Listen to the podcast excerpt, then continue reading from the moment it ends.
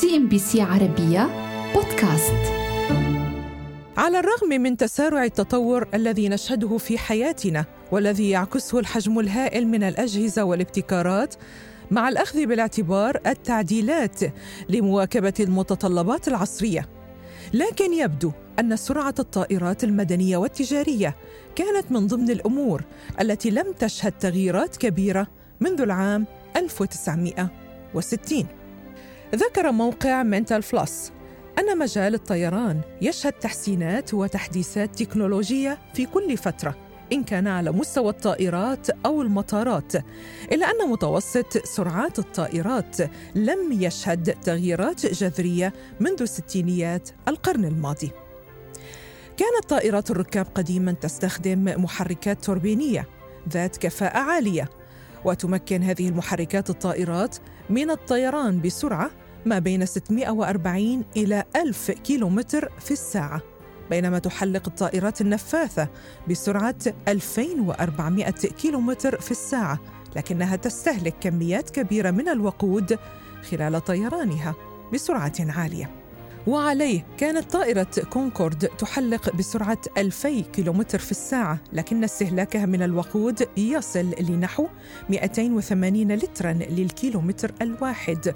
وطائرة مثل بوينغ من طراز 787 عندما كانت تطير بسرعة تقارب الألف كيلومتر فإن استهلاكها أقل من تلك الكميات التي تستهلكها الكونكورد.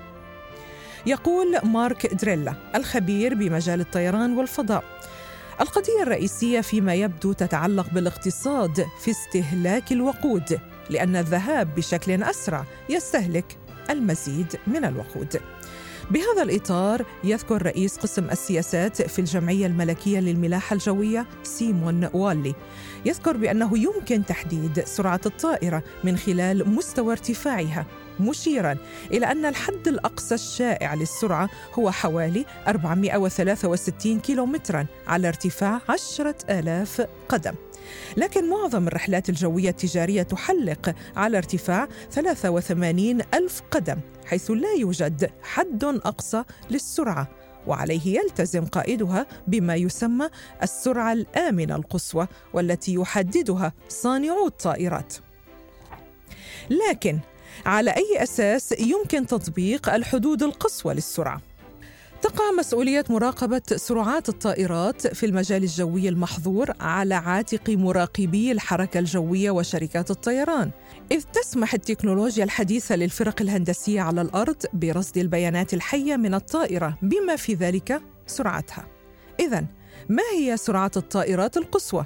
تعتمد هذه السرعة اعتمادا كليا على نوع الطائرة ويظهر هناك استفسار لدى المراقبين حول الاختلافات التي يلحظونها في سرعات الشركات المختلفة. أخذين بالاعتبار أن شركات الطيران لا تتبع نفس السرعات في كل رحلاتها الجوية. وعليه تشير الكثير من المواقع المتخصصة بقطاع الطيران بأن السرعات تعتمد جميعها على شركة الطيران وأهدافها حيث أن غالبية الشركات منخفضة التكلفة مثل رايان إير تطير عادة بالسرعة المثلى التي تقلل من حرق الوقود.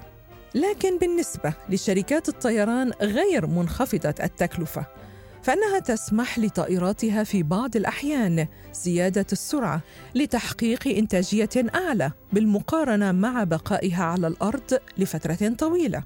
وهذا الأمر تعكسه الإيرادات والتي بدورها ترسم نوعية الخطط المتعلقة بتحديد السرعة. فإذا كان لدى الشركة جداول مزدحمة من الرحلات فإنها ترفع من السرعة لزيادة عدد الرحلات اليومية. بعبارة أخرى يتم تحديد السرعة من خلال أهداف الشركة سواء كانت في تقييمات الوقت المحدد أو زيادة الرحلات الجوية أو توفير المال على الوقود.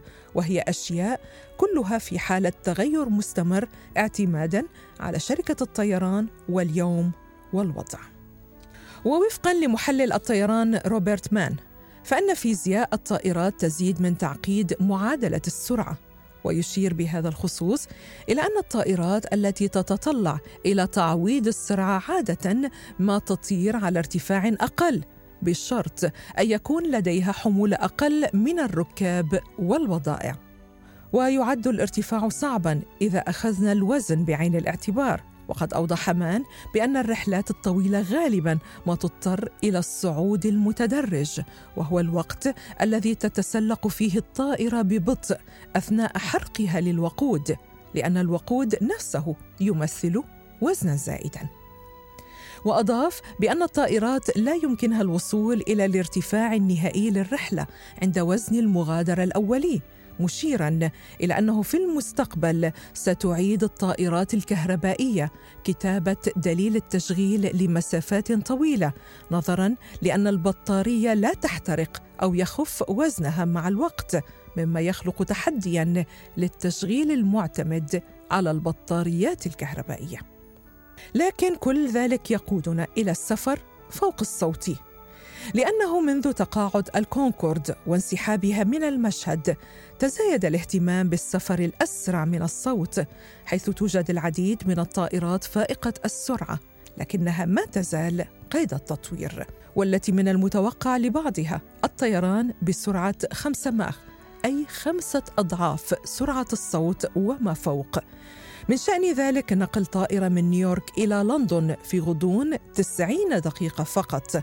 مقارنة بحوالي ثلاث ساعات كانت تقطعها طائرة الكونكورد وما بين ست إلى سبع ساعات لطائرة ركاب عادية وعليه نذكر بهذا الخصوص أن السرعة القصوى لطائرة كونكورد كانت أكثر قليلا من اثنين ماخ لكن هل الطيران بأسرع من الصوت أمر ممكن؟ ومتى من الممكن أن يحصل ذلك؟